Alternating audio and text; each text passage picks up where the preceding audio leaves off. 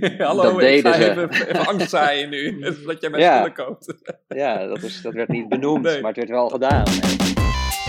Dit is Going Nuts, de podcast over het Nuts-initiatief en alles wat daarmee samenhangt. Uw gastheren zijn Mark Weerning en Tim Fransen. Dames en heren, welkom wederom bij een podcast van Going Nuts. En deze week gaan wij het hebben over FUT en CCC. En wat dat in vredesnaam zijn, dat gaan we jullie zo meteen uitleggen. Ik zit hier weer met mijn co-host Mark. Hallo Mark. Hey Tim, goeiedag. Zijn we weer. hey, welkom terug. En we hebben twee uh, fantastische gasten die wij ook in de vorige podcast mochten verwelkomen. Sergej en Thomas. Hallo heren. Goeiedag. Goeiedag. Een yes, hele ja. goede dag. Um, we gaan jullie toch weer even kort voorstellen. Voor de luisteraars die uh, jullie nog niet eerder hebben gehoord. Uh, Sergej, jij bent uh, improvisatietheaterartiest bij Miles Ahead Business Jazz. Dat zeg ik helemaal verkeerd. Wat, uh, hoe zou je jezelf noemen?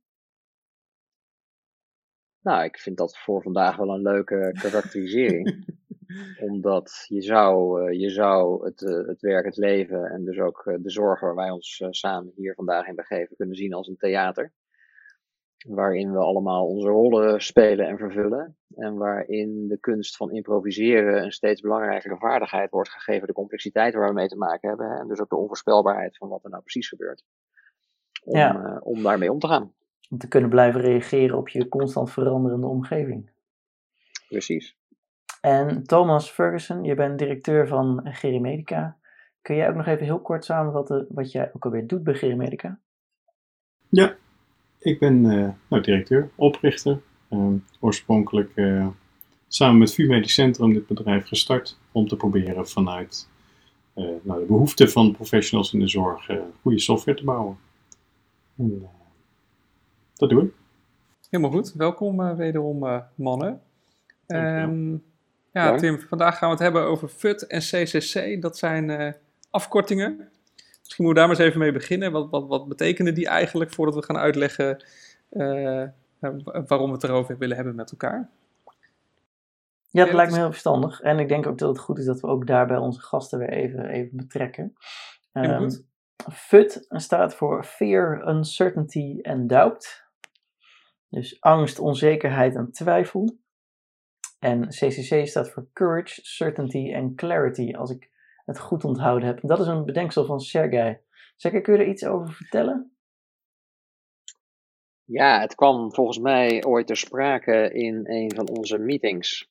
Waarin wij bespeurden dat uh, uh, de Fear, Uncertainty and Doubt, en dat is een soort afkorting die uit de softwareverkoop komt, zeg maar, wereldwijd, is dat een soort begrip um, uh, wat ja, toegepast wordt als iemand die software in gaat kopen niet precies weet wat er aan de hand is en dat ook wel spannend vindt, hè, maar weet dat het nodig is en in een bestuurlijke rol bijvoorbeeld toch daarover besluiten moet nemen. Dan wordt er soms wel ingespeeld op de angst, onzekerheid en twijfel uh, die mensen hebben over die beslissing. Om uh, ja, ze eigenlijk een soort zekerheid te verschaffen. Hè. Bijvoorbeeld, niemand is ooit ontslagen uh, om zaken te doen met IBM. Dat is ook een gevleugeld gezegd. Ja, ja, precies. En uh, dat kwam vaak omdat mensen toch wat angst, twijfel en onzekerheid hebben over dit soort beslissingen. Nou, en die andere is juist het tegenovergestelde daarvan. Hè? Hoe kunnen we nou zorgen dat er duidelijkheid is, zekerheid is, zodat mensen uh, moedig vooruit kunnen met iets nieuws en mogelijk spannends. Ja, precies. En die, die term FUD of, of FUD, die, die komt inderdaad ook een beetje uit de jaren negentig softwarewereld. Dat, uh, ik geloof dat het Microsoft was, die actief eigenlijk een soort van campagne voerde om onzekerheid en twijfel te zaaien over alternatieven die niet Microsoft waren. Mm. Um, en de, ja, dat is een, een, een strategie die gehanteerd wordt soms om iets kapot te maken waar je geen verstand van hebt. Maar, of waar je tegen bent, zeg maar. Dat kan natuurlijk ook, los van of je er geen verstand van hebt. Het kan ook zijn dat je gewoon niet mee eens bent of je bent er tegen. Ja, dat kan je natuurlijk als, als, middel gebruiken, zeg maar, om uh, andere mensen te beïnvloeden. Ja, ehm. en, en, de kracht zit hem dan blijkbaar, tenminste dat, dat zeg jij zeggen, en ik ben het er helemaal met je, met je eens. De kracht zit hem dan om eigenlijk de, de dappere weg te bewandelen, helderheid te verschaffen en, en dingen weer zeker te maken voor mensen. Ja, want wat je erbij zou moeten vermelden is dat dat natuurlijk geen hele als die softwareverkoper bij die bestuurder kwam, dan zeiden ze er niet bij dat ze dat gingen doen. Hè? Nee, hallo, dat deden ze. Even, even angst zaaien nu, dat jij mijn ja. spullen koopt. ja, dat, is, dat werd niet benoemd, maar het werd wel gedaan. En, dat zou heel uh, transparant zijn overigens. ja, dat zou wel heel transparant zijn, maar als je aan de andere kant zit en je bent je er wel van bewust dat dat zou kunnen spelen, dan kan je aan die andere drie letters iets hebben als je zeg maar in die relatie zit. Ja, ja. Ja, precies. Mooi. Oké. Mooi. Ja, en nou. wij, wij, merkten zelf, zeg maar, dat we nou, we zijn nu uh, dikke twee jaar onderweg met elkaar als nuts. En er is best al wel het een en ander voorbij gekomen in onze beleving. Dus ik dacht, misschien is het leuk om daar eens over te hebben met elkaar. Van wat komt er dan allemaal voorbij? En, en kunnen we dat dan omdraaien, zeg maar? Kunnen we dan datgene wat dan gezegd of gedaan wordt... Uh, uh, kunnen we daar op een positievere manier, zeg maar, weer op reageren met elkaar? Of anders ja, dus voor deze podcast hebben we een hele lijst aan fabeltjes verzameld. Waar wij van, uh, waarvan we er een aantal aan jullie vandaag gaan, uh, gaan voorleggen. En dan gaan we kijken of we daar weer uh, courage, certainty en, en, clarity van kunnen maken. Zijn jullie er ja. klaar voor? Nou, ja, leuk. Oké, okay, nou dan begin ik bij jou Thomas. Want de eerste gaat over leveranciers. Nou, daar ben jij er natuurlijk één van. Um, het fabeltje is, nuts is een argument van softwareleveranciers om stil te blijven staan en vooral niks te doen. Hoe, hoe maken we daar weer courage, certainty en clarity van?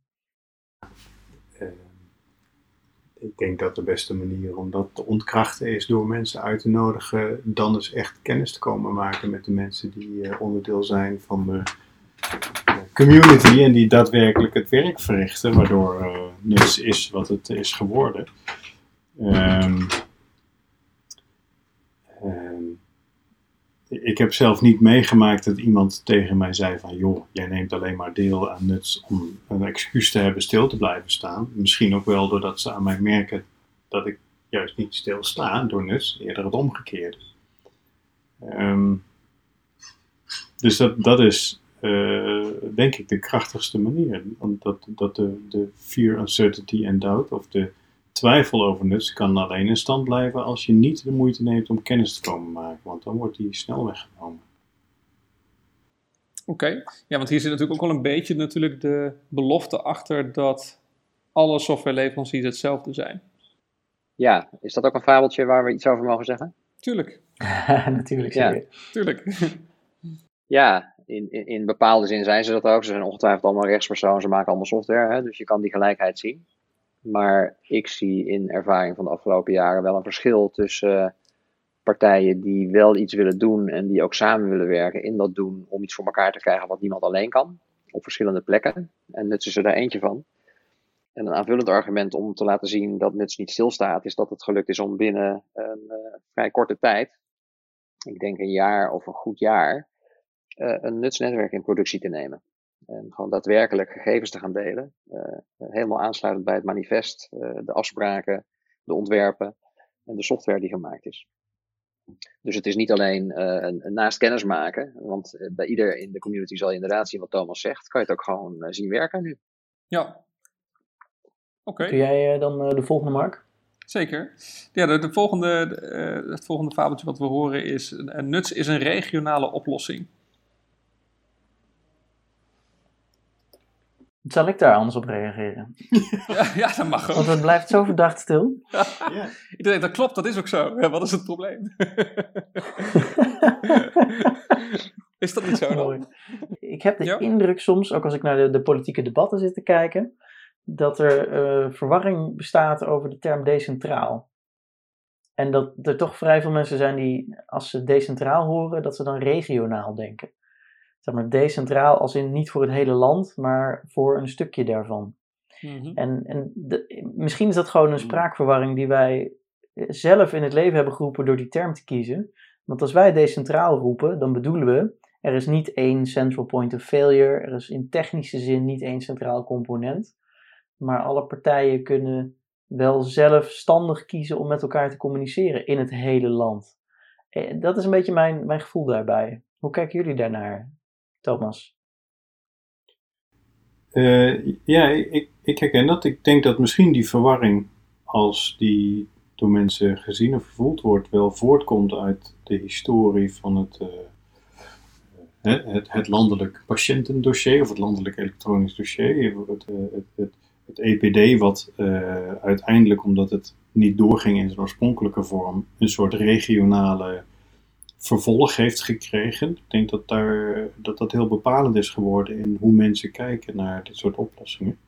En dat misschien een achtergrond is waarom mensen dan aan de regio denken als het niet centraal mag. Ja, een andere waar ik nog aan zat te denken is dat uh, de huidige uh, decentrale kandidaat die ook in gebruik is, dan denk ik aan uh, whitebox systems. Die wordt met name gebruikt in één specifieke regio. Dus misschien dat dat ook nog wel bijdraagt. Hoe kijk jij ernaar, Sergej? Ja, allereerst om zeg maar, het fabeltje te ontkrachten, dat is natuurlijk niet zo. Hè? Het is uh, uh, gebaseerd op internationale open standaarden, uh, landelijke implementatiekeuzes en dus in die zin gewoon landelijk of zelfs internationaal bruikbaar. Praktisch gezien gaat het natuurlijk in eerste instantie live in een regio, want heel veel van de gegevensdeling in zorgprocessen is vrij lokaal of regionaal. Hè? Eh, alleen in uitzonderingssituaties verhuis je naar een regio waar je een bepaald specialisme kan raadplegen. Of nu hè, in de huidige coronacrisis, wanneer je van het ene ziekenhuis naar het andere wordt verplaatst. Maar dat zijn de uitzonderingen. De basis is gewoon regionaal. Dus uh, daar kan me voorstellen dat dat de verwarring ook oproept. Hè. Als je het praktisch ziet werken, is het iets wat zich afspeelt uh, tussen een huisarts en een ziekenhuis in een regio. Maar de techniek en nuts uh, als, als community zijn internationaal en nationaal. Ja, dat is wel mooi dat je dat zegt, want je, je triggert ook meteen een ander uh, fabeltje dat we hadden staan, dat nuts geen internationale standaard is.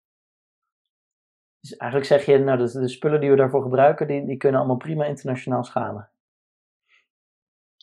Ja, en ook nuts maakt implementatiekeuzes. Hè? Dus als het gaat over uh, de benadering van zelfbeschikking over je identiteit, dat is een wereldwijde beweging met een aantal uh, mogelijke implementaties. En als je iets daadwerkelijk wil laten werken, wat wij willen, dan moet je op een gegeven moment de keuze maken. En we hebben in Nederland gekozen voor bijvoorbeeld Irma als implementatie daarvan.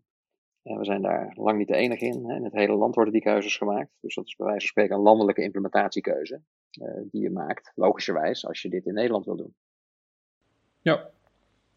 ja, precies. En dat is wel Omgekeerd wordt dat dan vaak weer als argument aangehaald van, ja, maar Irma, dat werkt ook eens weer alleen in Nederland. Um, terwijl je daar ook weer van kan zeggen, wat jij ook zegt, dat is gewoon een implementatiekeuze in Nederland. We zouden ook een andere keuze kunnen maken op termijn. We, we, zijn, we hebben daar geen, uh, hoe zeg je dat, uh, afhankelijkheid van. Per se. Dat klopt, want we hebben zelfs al aangetoond, of we zijn aan het aantonen op dit moment, dat, hè, dat is iets anders wat we ook internationaal doen, is gewoon mm state-of-the-art proces en ontwerp van softwareontwikkeling. Waardoor je componenten uit uh, de nutsoplossing kan vervangen, relatief eenvoudig, door een andere. We hebben de, hè, dat hebben we onlangs, of we zijn het aan, aan het doen op dit moment, as we speak. Mooi, mooi.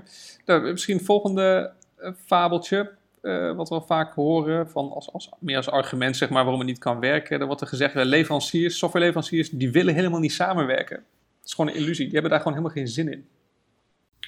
Ja, die, die is heel makkelijk te weerleggen. Uh, zolang als wij bestaan, en dat is nu alweer 13 jaar, hebben we met heel veel verschillende leveranciers samengewerkt. Ik denk dat iedere leverancier die actief is in, in onze Nederlandse zorg beseft dat de informatiebehoeften van de gezondheidszorg en, en de medewerkers en, burgers die daar gebruik van maken.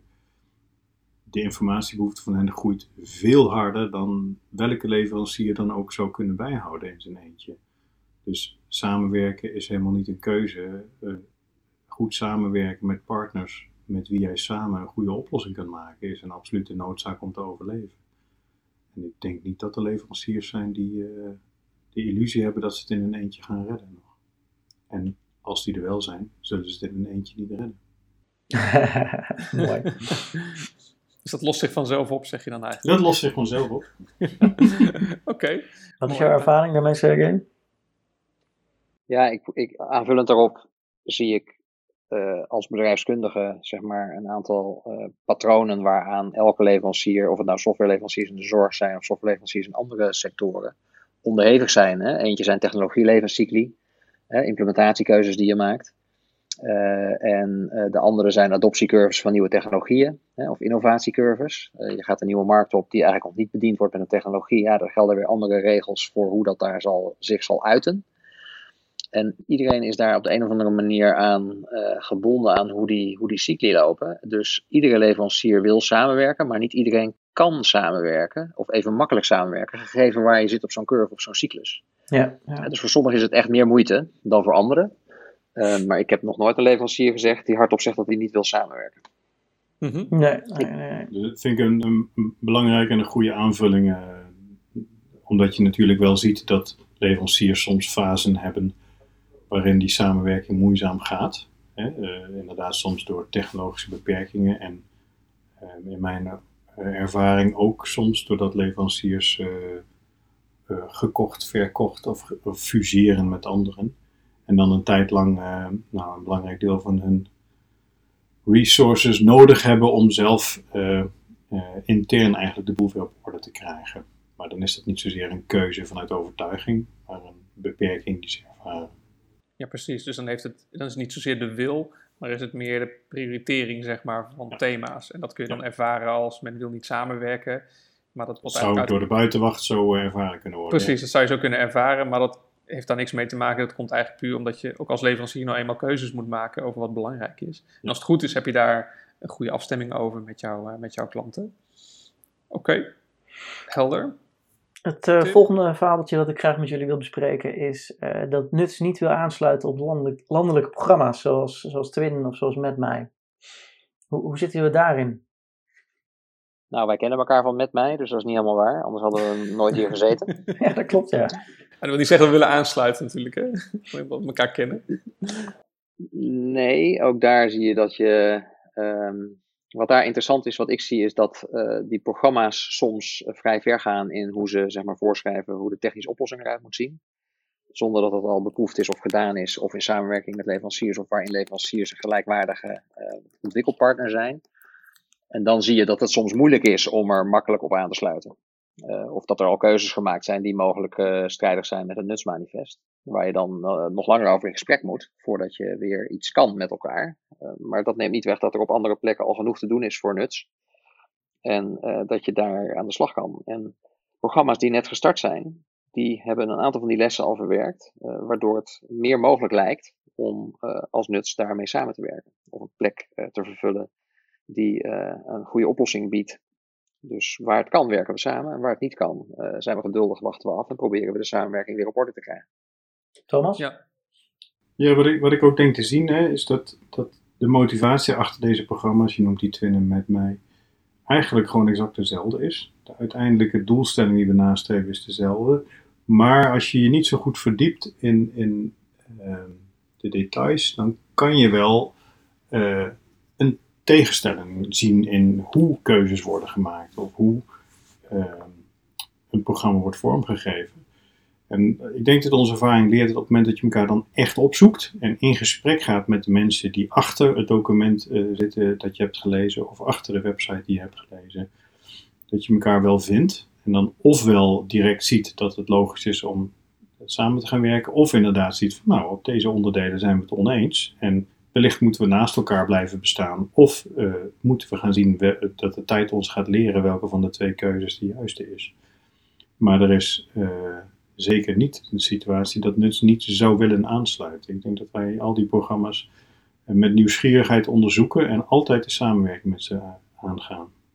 Ja, vind ik wel mooi. Ik, ik wil er eigenlijk nog even op reageren, Tim, als dat mag. Ja, natuurlijk. Um, ik vind het woord aansluiten vind ik hier wel interessant. Even los van welke programma's het dan precies zijn.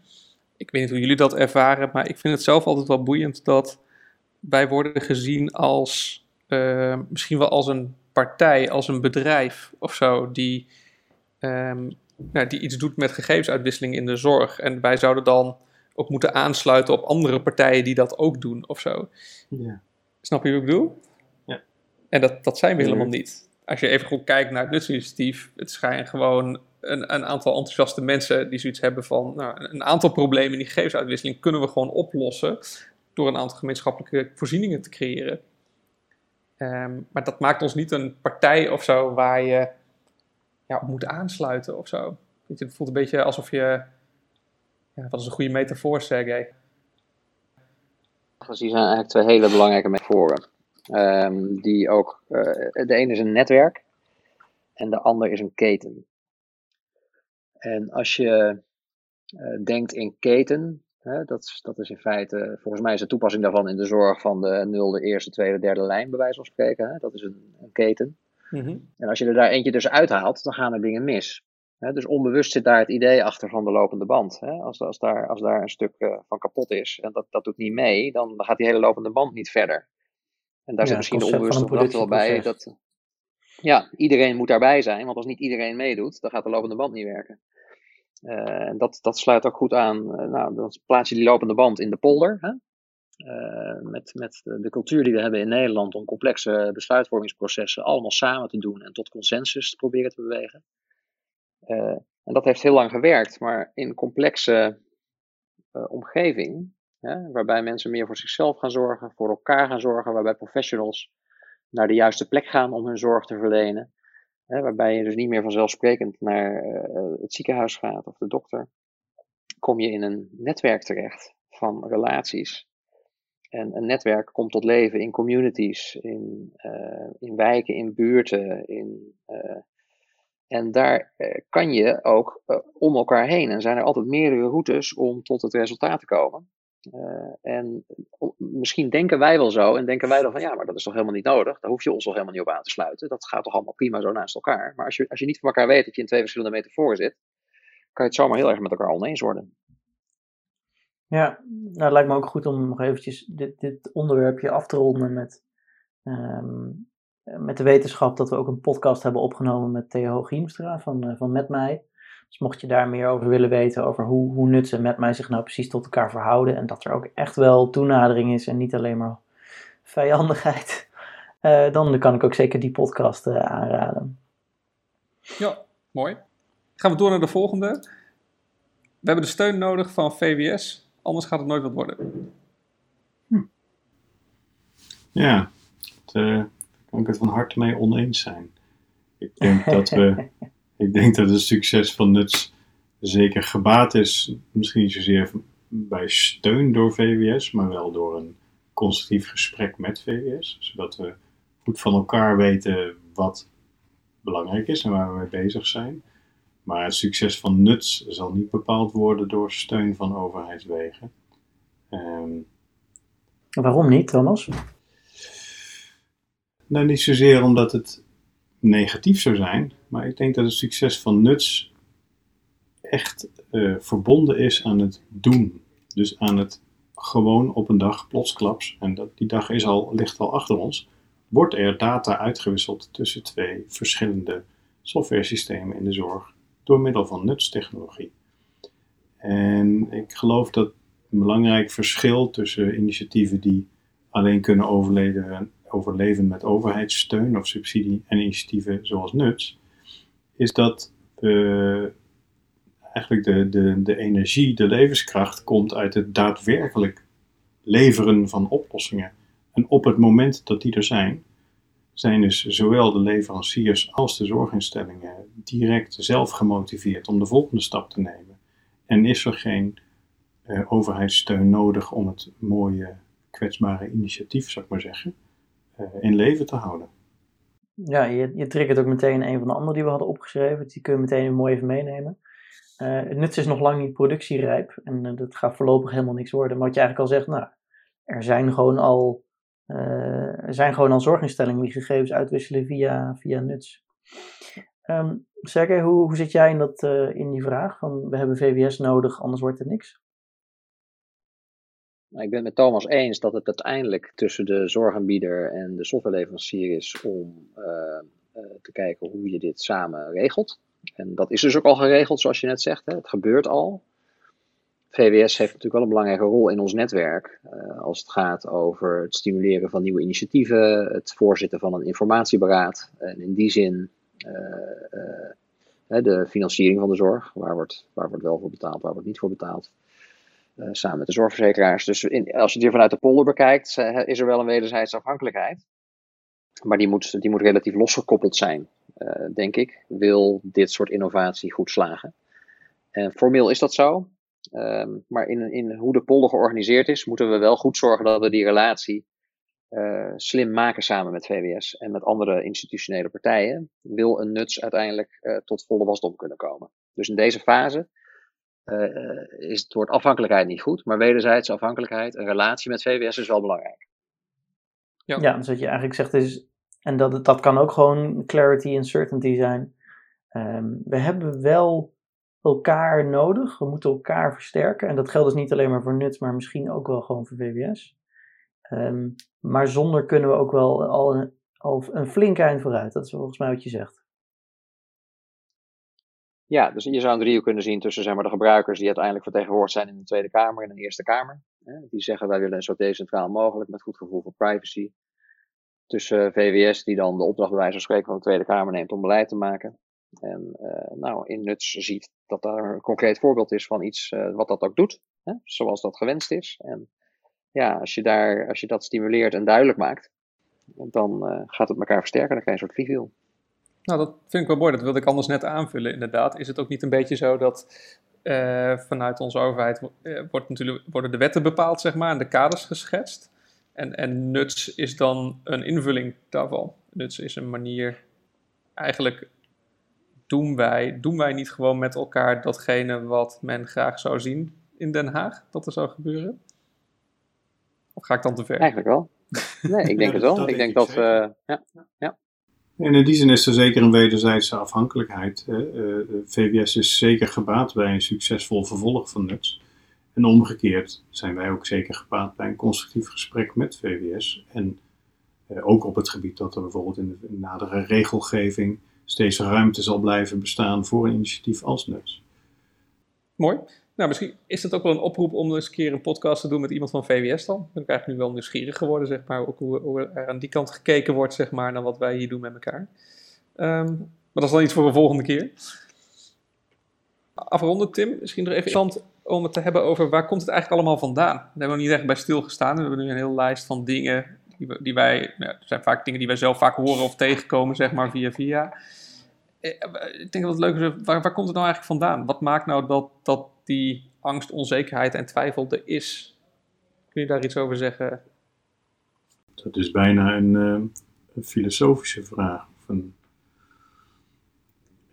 ik denk dat dit, dat dit een thema is wat je overal in onze maatschappij terugkomt. Hè? Vandaag, de dag waarop wij dit opnemen, is de dag van de uitslag van de Amerikaanse verkiezingen. Dat is in mijn wereld wel een van de meest extreme voorbeelden hoe fear, uncertainty en doubt gebruikt en misbruikt wordt om eh, bepaalde doelen te behalen. Maar het zit daarmee ook wel, je zou bijna kunnen zeggen, een beetje in de voegen van onze samenleving. Dat mensen uh, risicomijdend zijn. En in mijn ervaring, hè, dat vind ik ook leuk om hier te delen, is een van de dingen waar we op zouden kunnen sturen, is om te zorgen dat het fundamenteel oké is om fouten te maken. En ik vind dat dat wel wat te ver is verdwenen in onze maatschappij. Dat te makkelijk er wordt gezocht naar de verantwoordelijke het kan toch niet zo zijn dat. Verontwaardiging op basis van een fout die ergens is gemaakt, is eigenlijk de norm. In plaats van nieuwsgierigheid naar waarom er een fout is gemaakt en uh, wat kunnen we daarvan leren. Het raakt in die zin voor mij iets heel fundamenteels wat in onze maatschappij zit. Waar ik in ons bedrijf ook probeer heel bewust mee om te gaan. Om te zorgen dat je geen fear, uncertainty en doubt cultuur creëert. Ehm, en het is ook vanuit mijn rol in het bestuur van NUTS, denk ik, een van de onderwerpen die ik graag uh, wil bewaken. Want het is ook voor ons initiatief heel belangrijk. En dat, uh, dat wordt ook gewaardeerd. En, en hoe is dat voor jou, Sergej? Ja, ik vind het heel mooi wat Thomas zegt. Het doet mij denken aan uh, de, de C van courage in CCC. Hè, want clarity, hè, helderheid, certainty, zekerheid zijn eigenlijk steeds moeilijker in een wereld die steeds meer bewegelijk is, onzeker, chaotisch, ambigu, twijfelachtig. Hè? dus, maar courage, als je Brené Brown, iemand die daarover gestudeerd heeft, volgt, die zegt van hè, moed bestaat alleen maar bij gratie van kwetsbaarheid. En kwetsbaarheid is best wel weer eng, hè? dus dat speelt in op, dat, op, dat, op die angst. En ehm, als je dus fouten mag maken, en, en fouten misschien zelfs ziet als onverwachte gebeurtenissen, hè? en daar gewoon echt bij kan blijven, de moed hebt om ze onder ogen te zien, en zelfs je de vraag te stellen van is het wel een fout of kunnen we hier nog wat mee? Uh, tenminste ervan leren zou je zeggen. En, en, een cultuur hebt die dat ondersteunt, dan kunnen we steeds beter omgaan met die onzekerheid die groeit. En uh, daar ligt dus ook een enorme waarde voor onze toekomst in besloten om daarmee om te leren gaan. Want daar, uh, ja, daar liggen al onze grote vraagstukken. Net als de community waarin je ook fouten mag maken. Ik vind het een hele mooie, hele mooie oproep. En Precies ik zou ook graag onze luisteraars willen vragen: kom je FUT tegen in het veld, in het land? Uh, denk dan ook even na over welke kans die, die angst biedt. En hoe je die weer kunt draaien naar de moed om je kwetsbaar op te stellen. En keuzes te maken die andere mensen misschien niet maken. Uh, heren, mag ik jullie ontzettend bedanken voor dit gesprek. Ja, dank. Graag gedaan. gedaan. Dank jullie wel voor de uitnodiging. Ik uh, vond het weer zeer verhelderend. Ik ook. Dus uh, tegen ons luisteraars zeggen we dan nog even... Go Nuts! Go, Go, Go Nuts! Dit was Going Nuts. Wil je bijdragen aan deze podcast? Stuur dan een mailtje naar podcast.nuts.nl. Tot de volgende keer!